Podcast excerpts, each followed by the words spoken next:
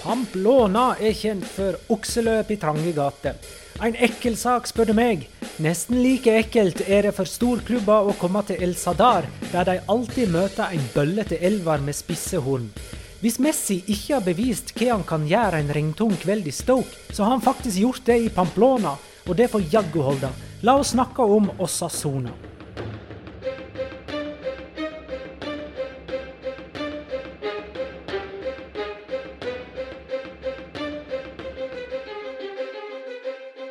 Hei. Vi holder fram eh, vår gjennomgang av La Liga 1920, lag for lag. Dette er episode 13 av 20 om Osasona. Hva er det første du tenker på da, Jonas? Jeg tenker på Pamplona. Jeg tenker på at uh, Litt det du var inne på med okseløp og en, uh, en by som er tradisjonsrik i spansk kultur. Og som jeg synes trenger å ha et lag i øverste divisjon i, i Spania kun for å dele av det kulturelle eh, spanske. Ja, det var vel egentlig dette okseløpet som kom eh, først til meg òg. Men jeg tenker også på litt sånn eh, tåke, frostrim, litt dårlig vær. Eh, kaldt. Det er vel en av de stadionene i La Liga som har hatt eh, jeg, dårligst klimatiske forhold de siste 10-15 årene. Vi har kamper som har blitt både utsatt med noen timer og med noen dager. Og et eh, Barcelona-lag som ikke kom seg ned fra himmelen på riktig flyplass og diverse. Så eh, kaldt og vondt å komme til Pamplona. Ja, det var faktisk nettopp den vinterkvelden jeg òg tenkte på. Det utsatte ganske mye av hele runden, faktisk. For det var masse live-kamper som skulle sendes, og så ble det forskyvning i hele programmet. Jeg tror, jeg, jeg tror vi snakka 2011. Det var i alle fall Guardiola-tid. Ja. Der Barcelona altså ikke fikk landa med dette flyet sitt i Pamplona. Fløy rundt og rundt sikkert. Og kampen ble utsatt. Men han ble spilt! Og jeg tror Barcelona vant og at Messi var god. Skal du fortelle oss litt om eh, Osasonas skråstrek Pamplona, Jonas?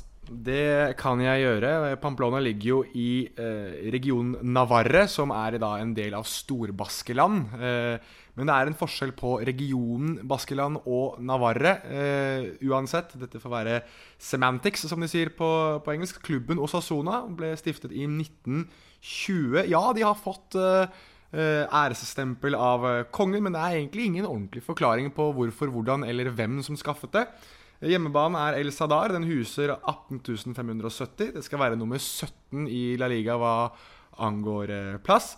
Beste tabellplassering. De tok fjerdeplassen i 1990-91-sesongen og 05-06-sesongen. De spilte også semifinale i Copa del Rey i 04-05. Sist gang de var i La Liga, var i 2016-2017, så velkommen tilbake til okseløperne fra Pamplona. Jeg kaller det bare Navarra. Du sier Navarre, eller? Ja, jeg fant noen som sier Eller det sto Navarra, og så har jeg funnet der det sto offisielt at det het Navarre. Så jeg, jeg, vet ikke helt uh, om det er, kanskje er uh, lokalspråk som er Navarre, og spansk som er Navarra. Ja, baskisk som er Navarre, og spansk som er Navarra. Så vi får gå for Navarra, egentlig. Det kan vi godt gjøre. Skal ja. vi ta vår eh, triangel, der vi altså plukker hver vår spiller eller personlighet vi forbinder med klubben, enten fortsatt aktiv eller uh, historisk. Ah, hvem er det som begynner? Eh, jeg kan starte, jeg. Så Nei, det er Magna. Det, jeg tror det var meg, skjønner du. Uh, faktisk uh, Ja. Det er Raúl Garcia. Uh, som nå spiller i Atletic. Kjent òg som seriemester med Atletico Madrid, men han er født i Pamplona og utvikla i Osasona. Og det er nettopp derfor han er som han er. En knallhard bølle. Selve personifiseringen av uh, Osasonas uendrelige uendelige stil. Samme slags elver Osasona spiller med, så er det spisse så lenge de har vært i Segunda, har de vært representert i La Liga gjennom Raúl Garcia. Han var for øvrig viktig for Osasona som 19-åring den sesongen de ble nummer fire i 05-06. Petter? Jeg har valgt uh, Javad Nekonam, som er den mest mestspillende asiaten i La Liga. Uh, så kan vi kanskje gjøre det til et definisjonsspørsmål om Dodo Aoate, som jo er israelsk, egentlig skal gå foran, men i og med at Israel spiller i Uefa, EM-kvalifisering etc., så, så går Nekonam foran uh, i min bok. I min spede gambling-begynnelse så var det altså fast tradisjon når det begynte å nærme seg Osasona-kamp inn på eh, Nå skal ikke dette være noe reklame, så jeg sier ikke hva slags bookingselskap, men der var det altså konstant 6,75 i odds på at Javad Nakonam skulle skåre mål.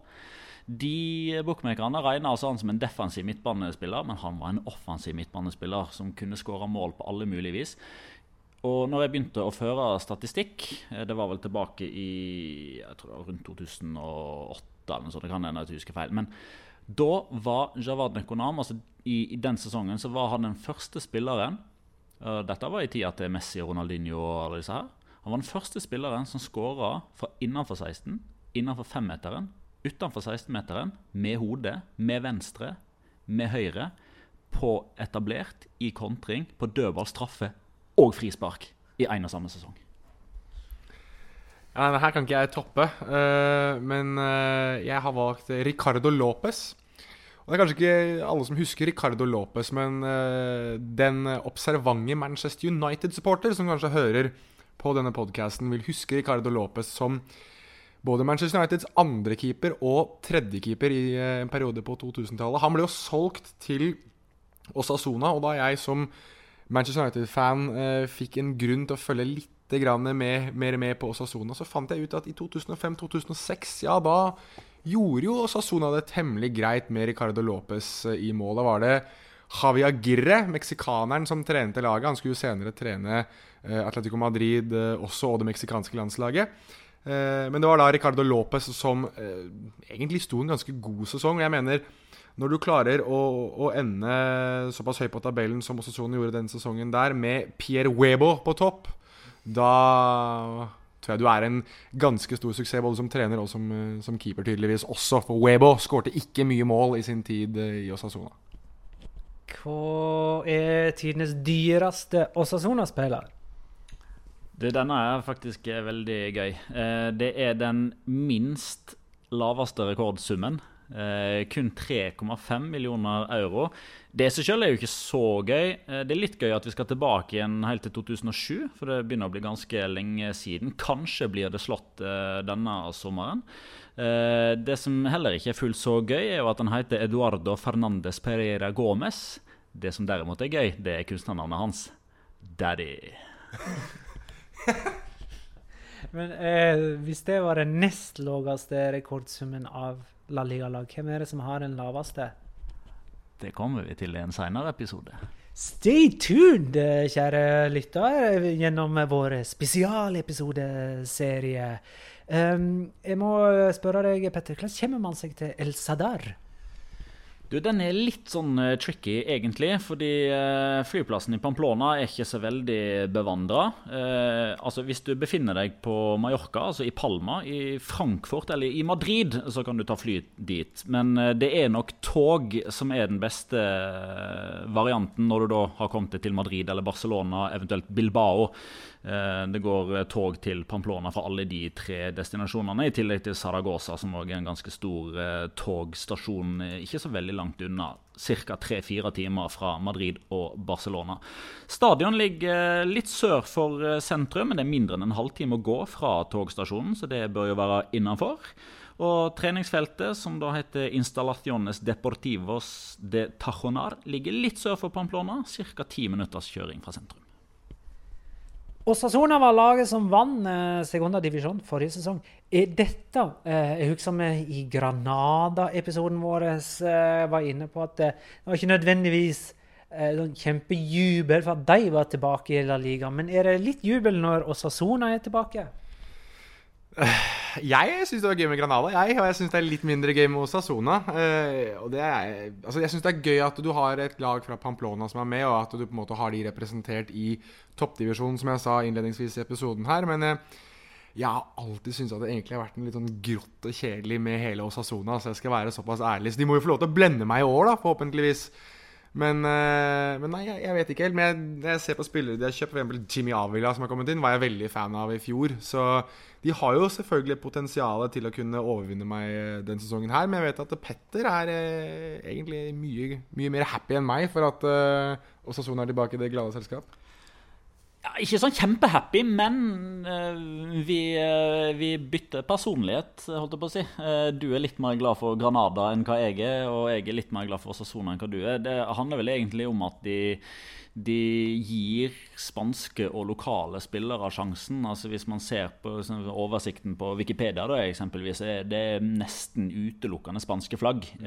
Den eneste som per nå ikke har Argentina spansk flagg, det er argentinske og spansktalende Chimi Avila. Så de er veldig tro til sin egen uh, ungdomsavdeling. Og så for en statistiker, da den hjemmerekka som de hadde forrige sesong altså De tapte ikke en eneste kamp på hjemmebane, og de vant de 16 siste. Og i 11 av de så holdt de null. Det er sånn som eh, altså Statistikeren i meg får tre bein å gå på når det gjelder det der, altså. Og det med Jagoba Arasate som eh, trener eh, Husker ikke han fra Real Sociedad, eller?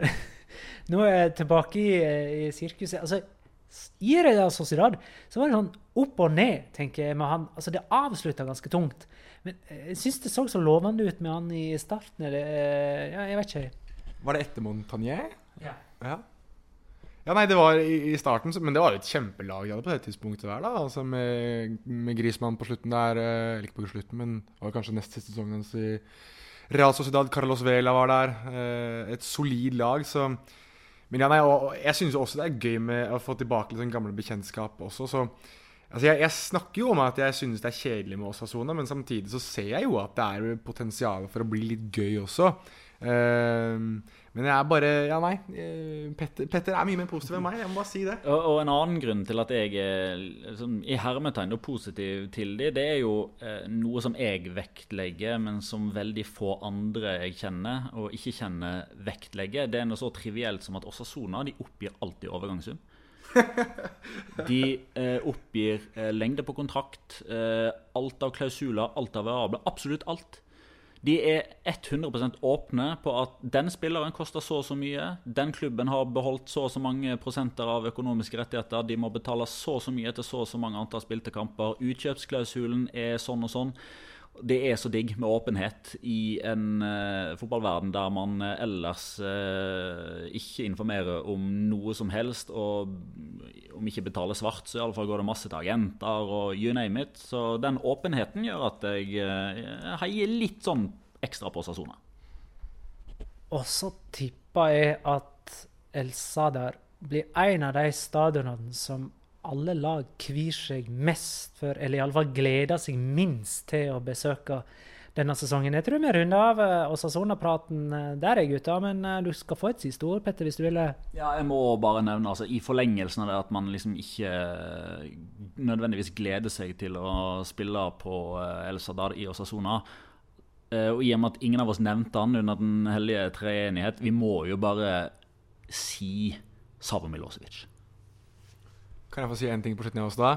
Det har vært tre iranere som har spilt i den klubben. Det er Karim Ansafard, Jalan Nkonam og Masud Shuyayei. Eh, jeg vil bare si det, Når du er en spansk klubb og har tre iranere, ja, da er det noe veldig spesielt over det. Og fem polakker og sju serbere. De har hatt russere.